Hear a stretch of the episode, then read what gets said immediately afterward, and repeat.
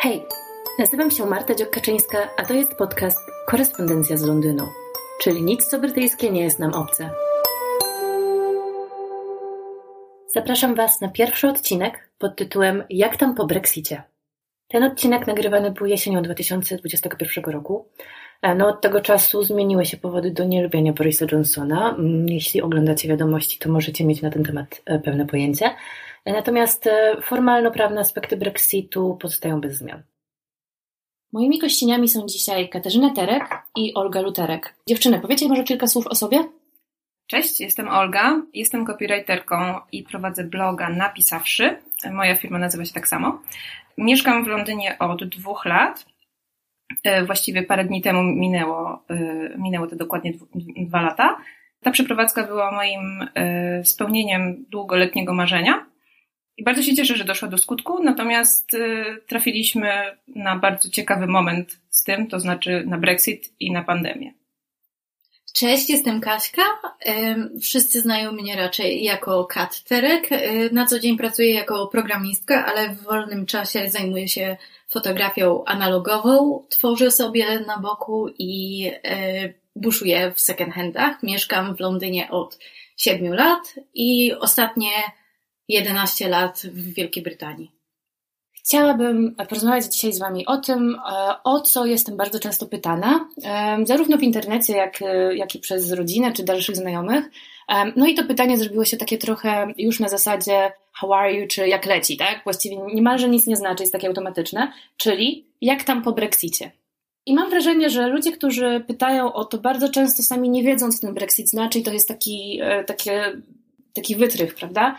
Coś, żeby zagadać, ale tak naprawdę właściwie nie wiadomo o co chodzi. Tym bardziej, że zwłaszcza w internecie mnóstwo osób pyta, no dobra, ale tak jak rozmawiamy w Wielkiej Brytanii, to czy, y, powiedz jak, jak się przenieść, jak to zrobić, jak to załatwić, e, czy teraz byłoby ciężej niż kiedyś?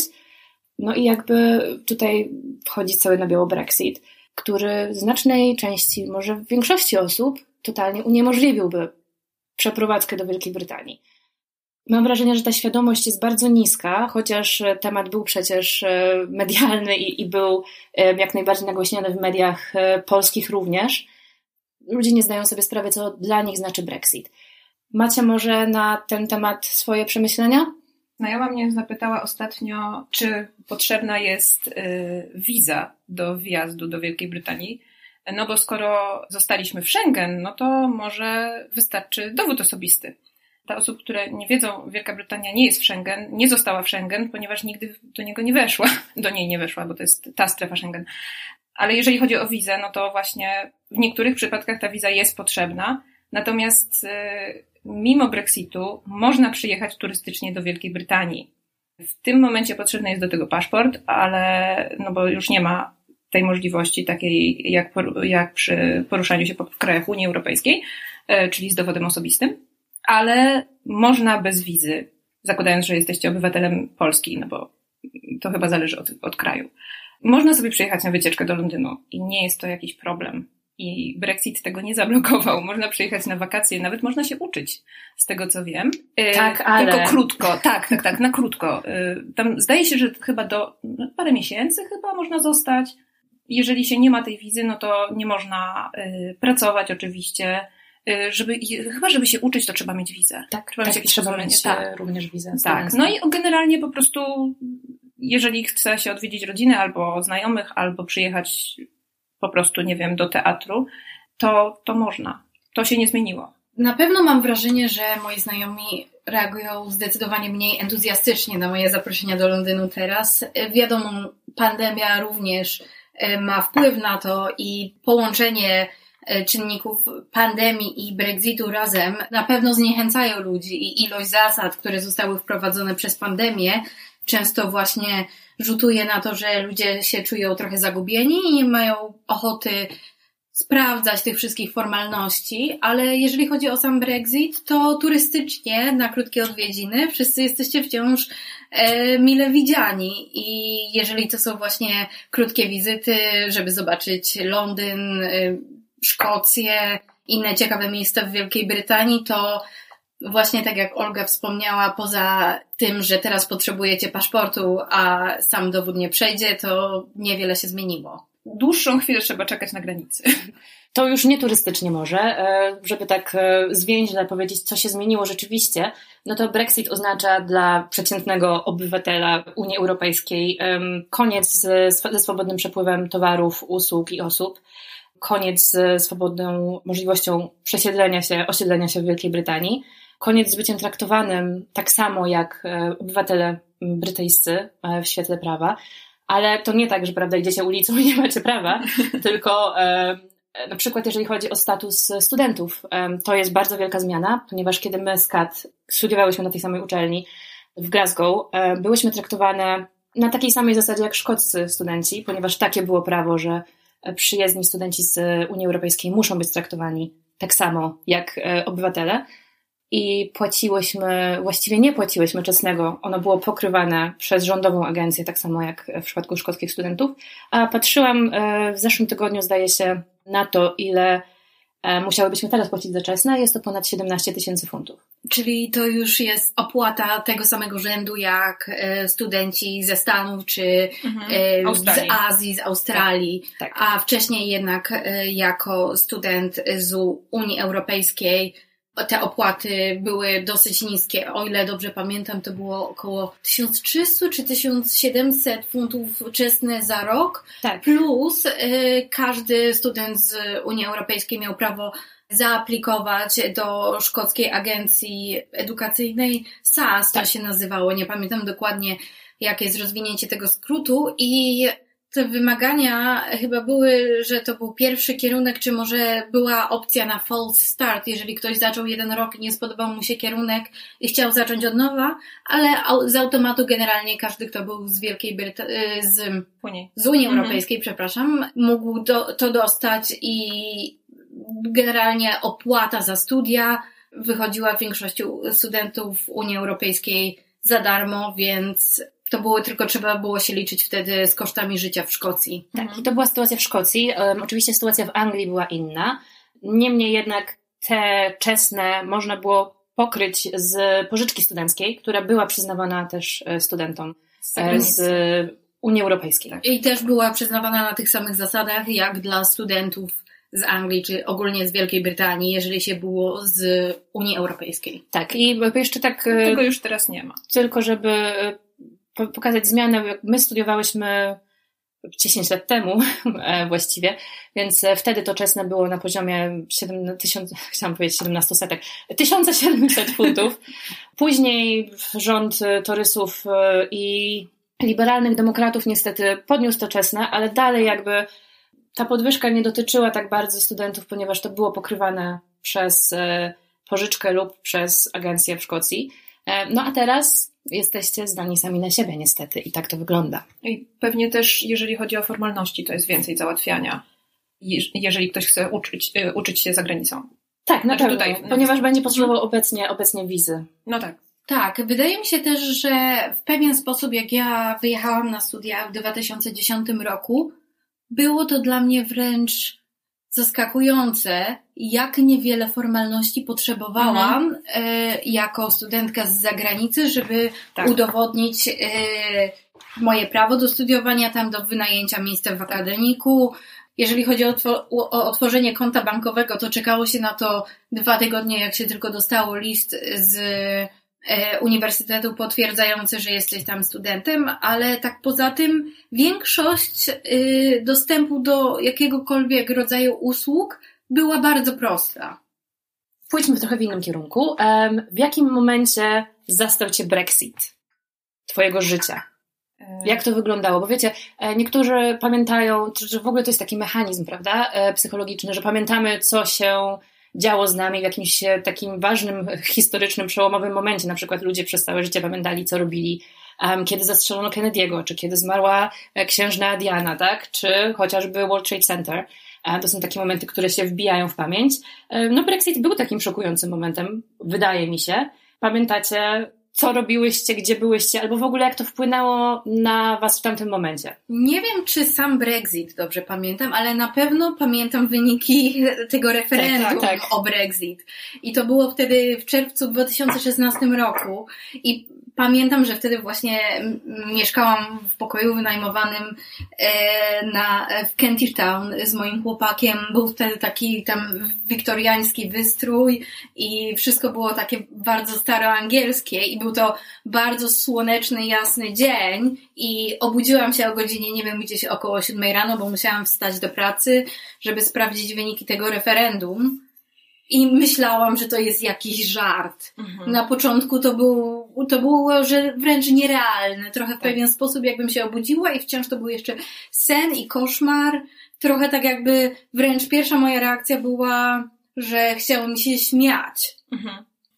Tam miałam dużo rzeczy na głowie, musiałam się przygotować do pracy.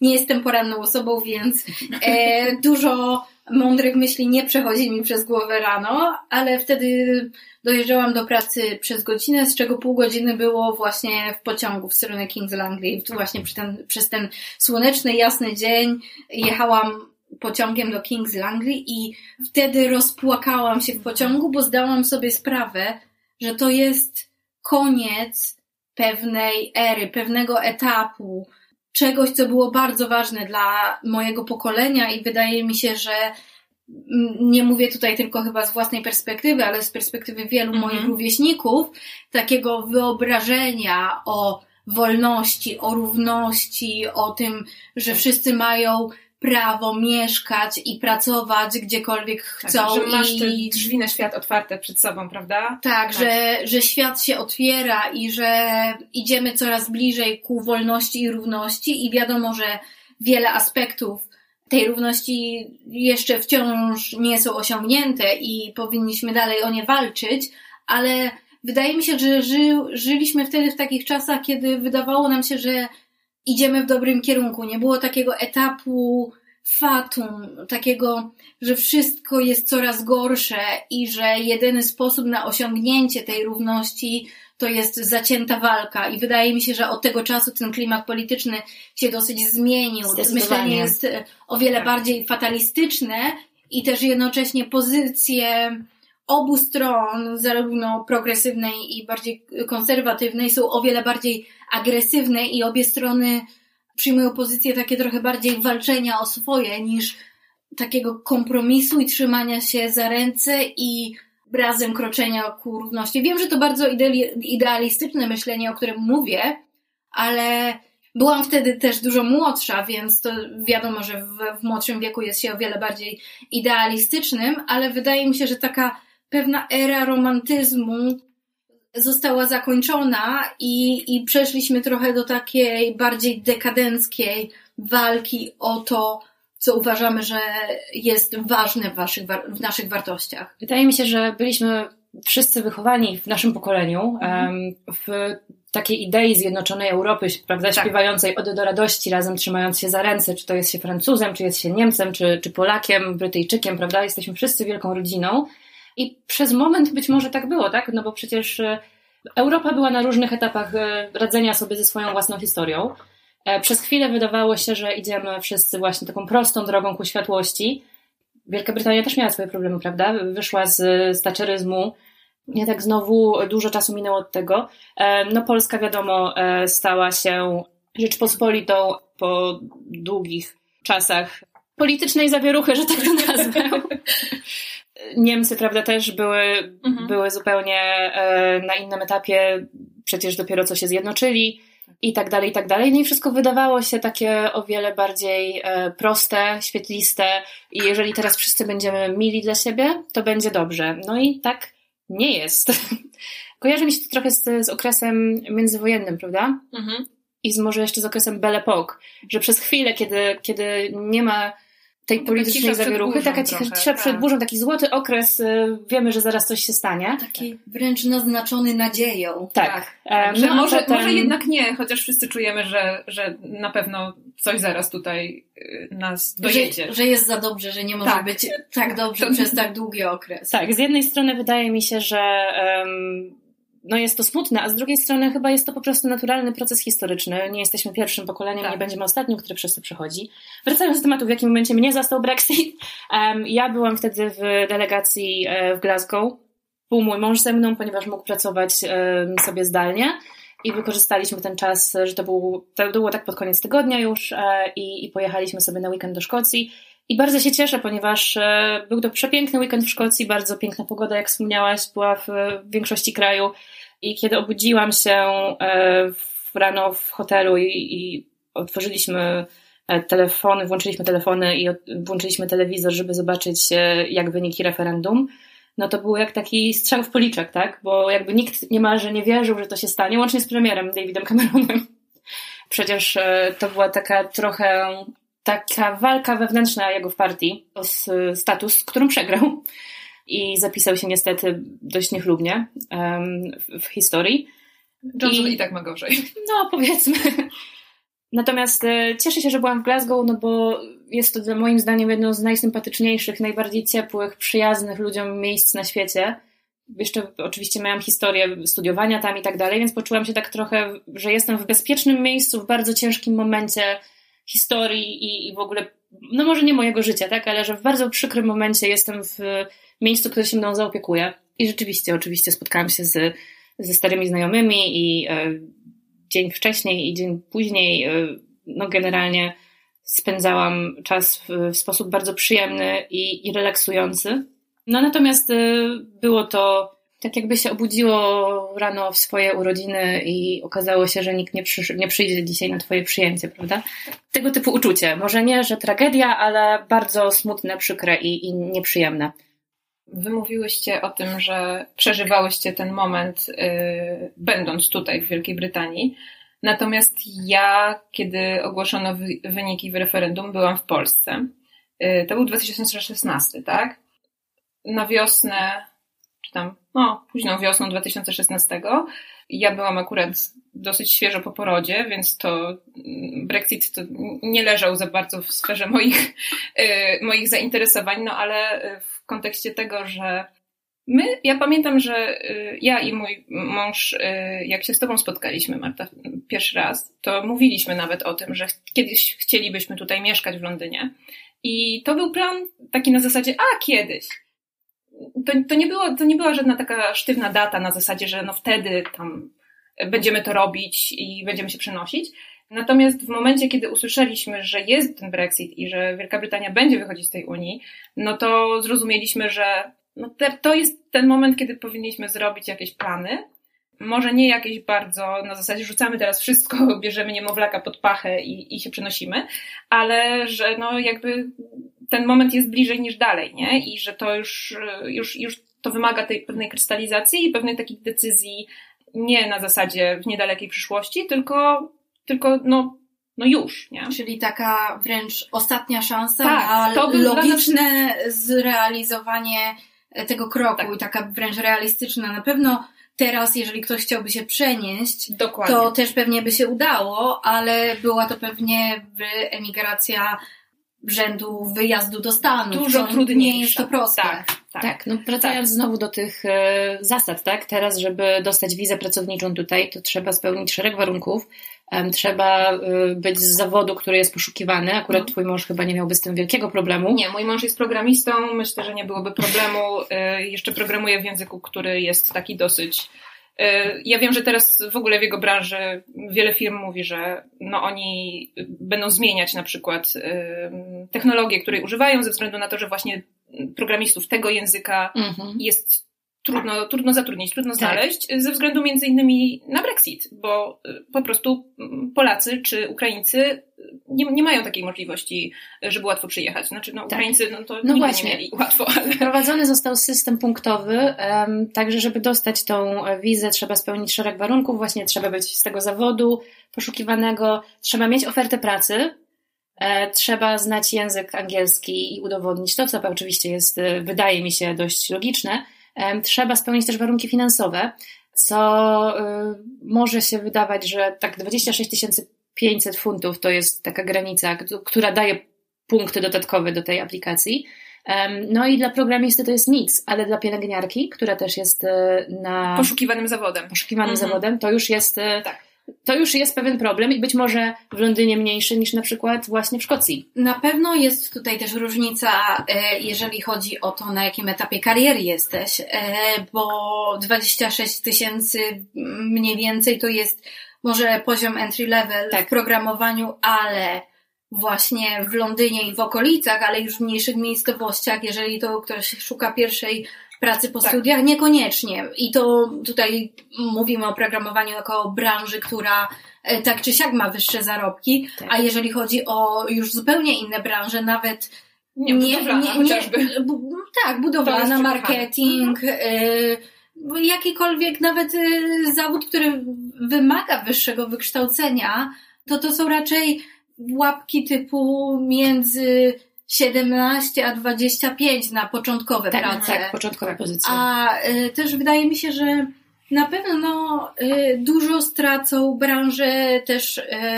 kreatywne i modowe. Y, ja przez pewien czas zajmowałam się fotografią modową, więc y, w szczególności w tym czasie, kiedy y, Brexit został przegłosowany, więc było dużo rozmów na ten temat i Londyn przez wiele, wiele lat i, i, i był i, i jest jedną z światowych stolic mody tak. i właśnie przyciągał bardzo dużo utalentowanych ludzi, którzy chcieli spróbować swoich sił e, w branży modowej i wiadomo, że to są zawody zdecydowanie mniej stabilne.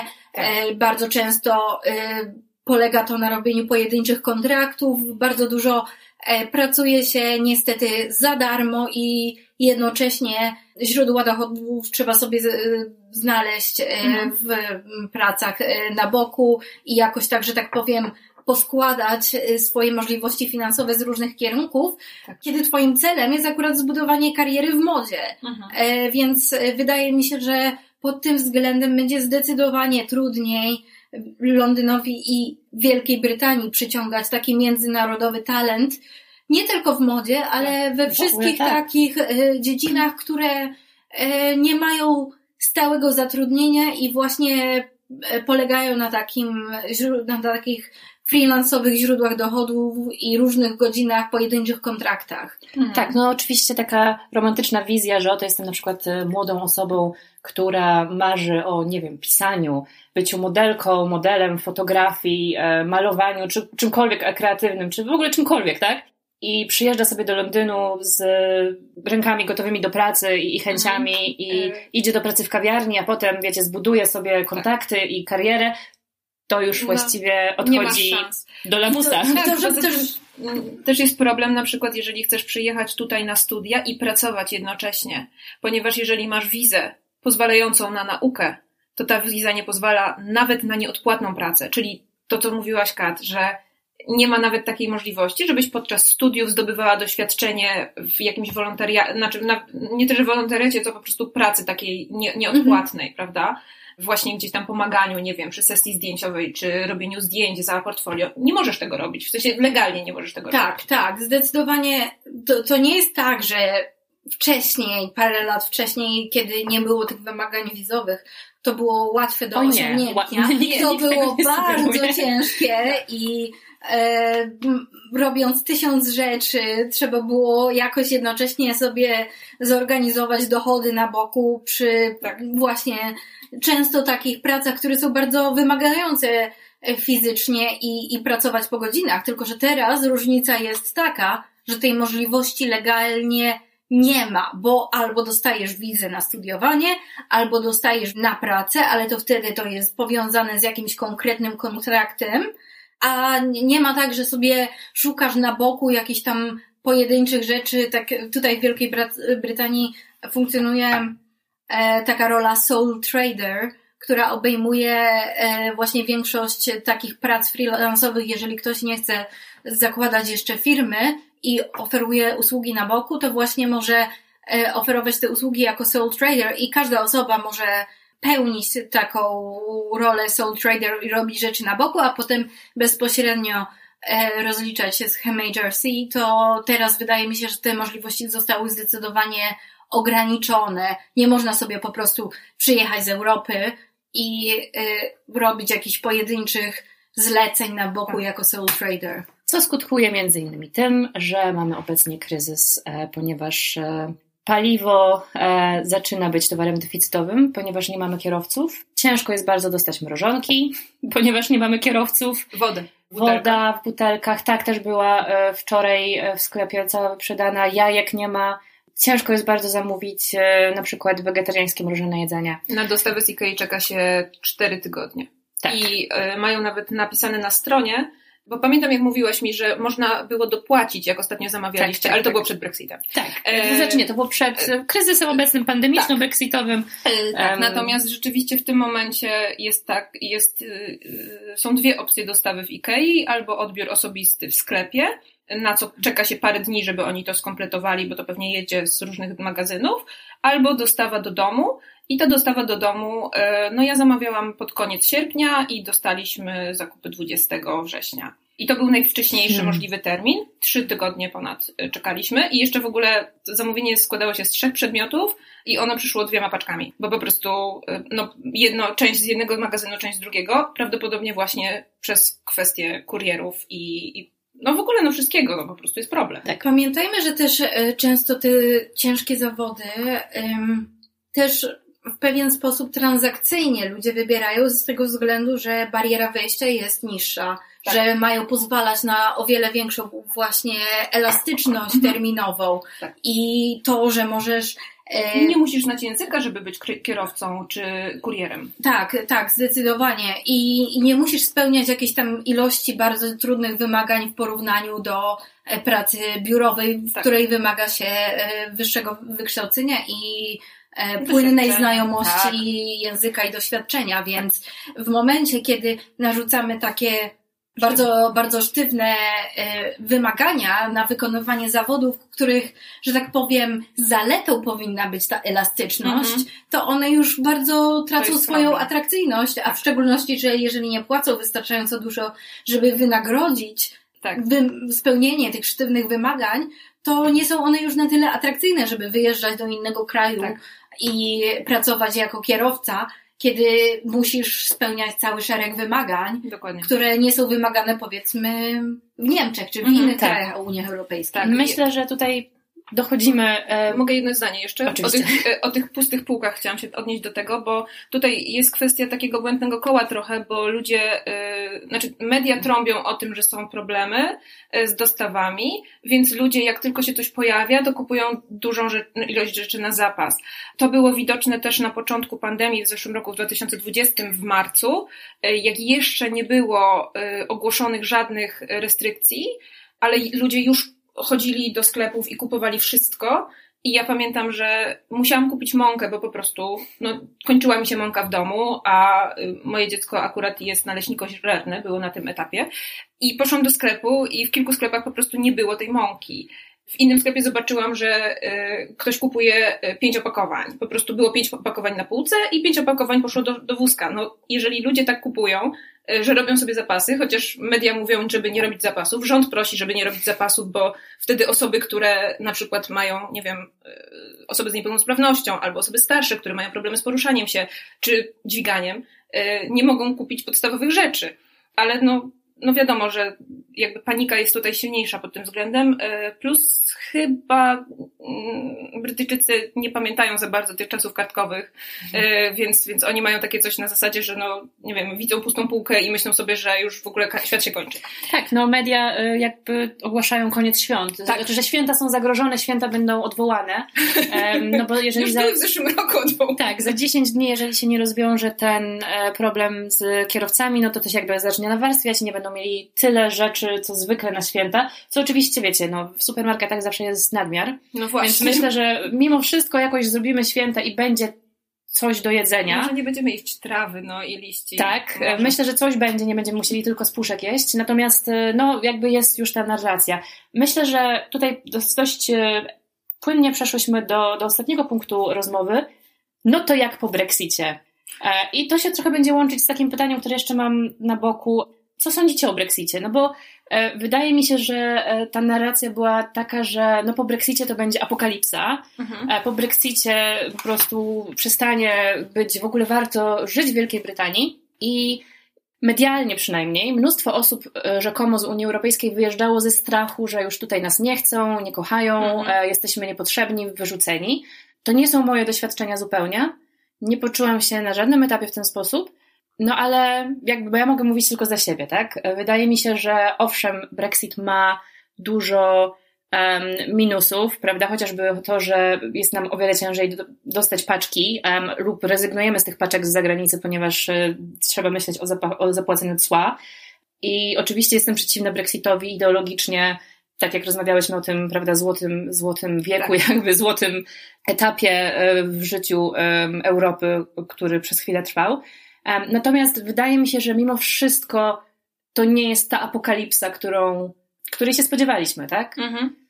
Wydaje mi się, że moje życie codzienne, e, oprócz tak niedogodności, że paczka nie przyjdzie lub e, niedogodności typu, że muszę iść, tak, tak, właśnie muszę iść po te jajka dzisiaj, bo miała być dostawa, albo muszę iść do innego sklepu, w którym będą te jajka, mhm. no to jakby nie czuję takich e, wielkich zawirowań ani problemów. Nie wiem, jak wy się z tym czujecie.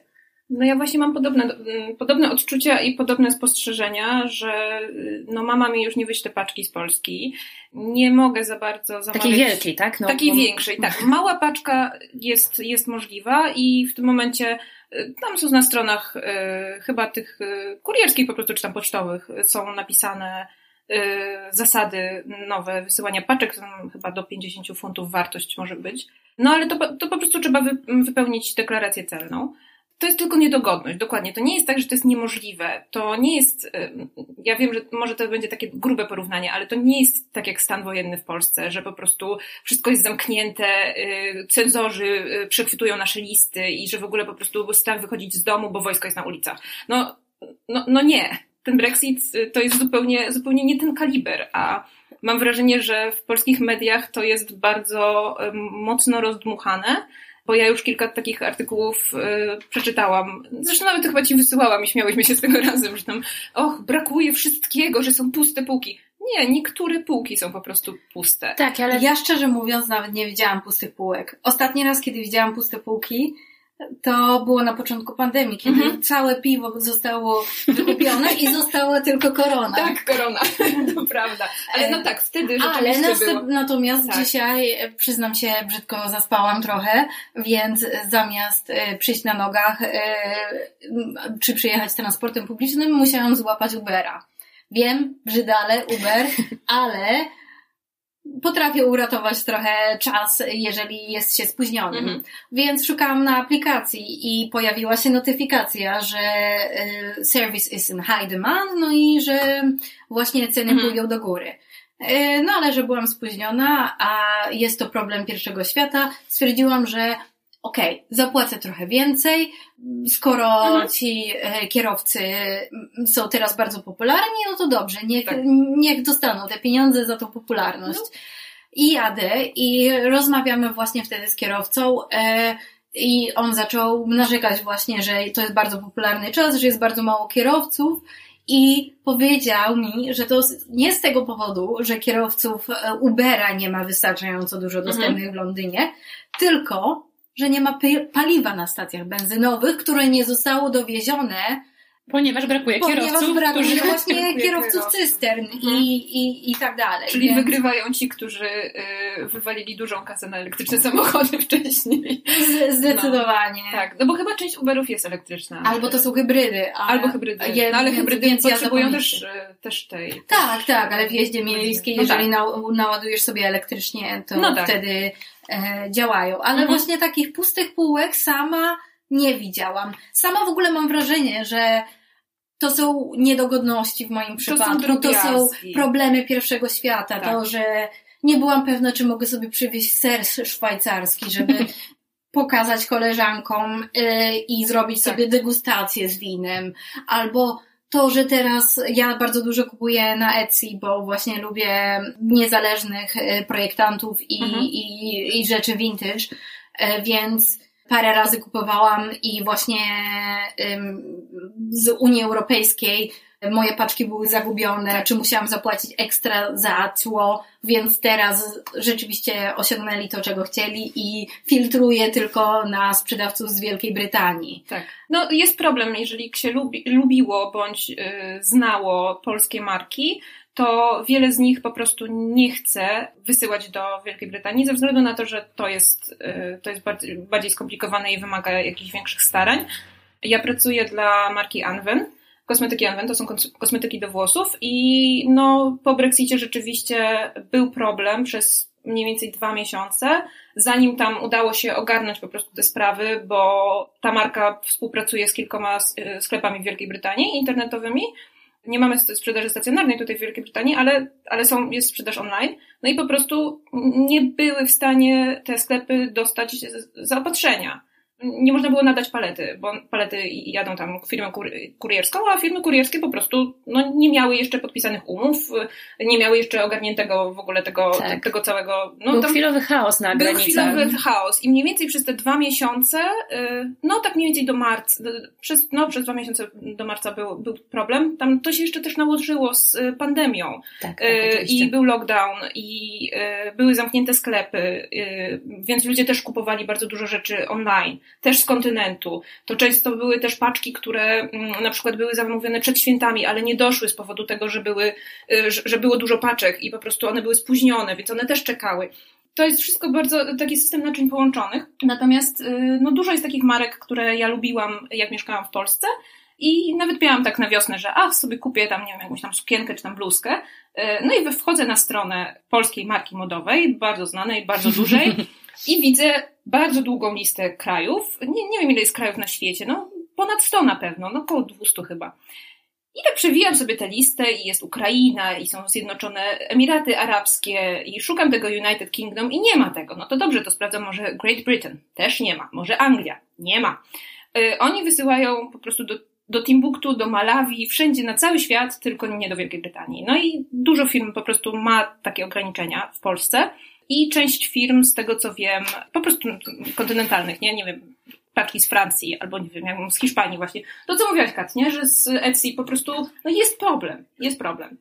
No, no, tak, ale są to jakby problemy pierwszego świata. Dokładnie, to nie jest, to nie jest realny tak. problem. Pamiętajmy, że jednak wciąż zamówienie sobie e, sukienki mhm. zaprojektowanej i szytej w Polsce, czy w, jakim tak. in, w jakimkolwiek innym kraju Unii Europejskiej, to wciąż jest przywilej, czy pewnego przywilej. rodzaju luksus. Tak, dokładnie. Ja, ja nie zamówiłam tej sukienki, mogę bez tego żyć, żyję, ale jeżeli chodzi o, e, o kupienie chleba, to nie ma najmniejszego problemu. Jasne. Idzie się do piekarni i można kupić. Jajka też można kupić, tylko kwestia tego, że... Trzeba je znaleźć po prostu. Trzeba je znaleźć. Często te, często te tańsze jajka po prostu są wyczyszczone, a te trochę droższe są. No więc też jakby jest taka możliwość. Oczywiście wiecie, my nie chcemy tutaj powiedzieć, że e, nikt nie ma prawa mieć innych doświadczeń, cięższych doświadczeń um, i że na przykład poza Londynem nie wygląda to zupełnie inaczej. Natomiast podcast, e, jak sama nazwa wskazuje, jest korespondencją z Londynu tak. i dotyczy tego, co my znamy. Bardzo Wam dziękuję za rozmowę i Dzięki. do usłyszenia.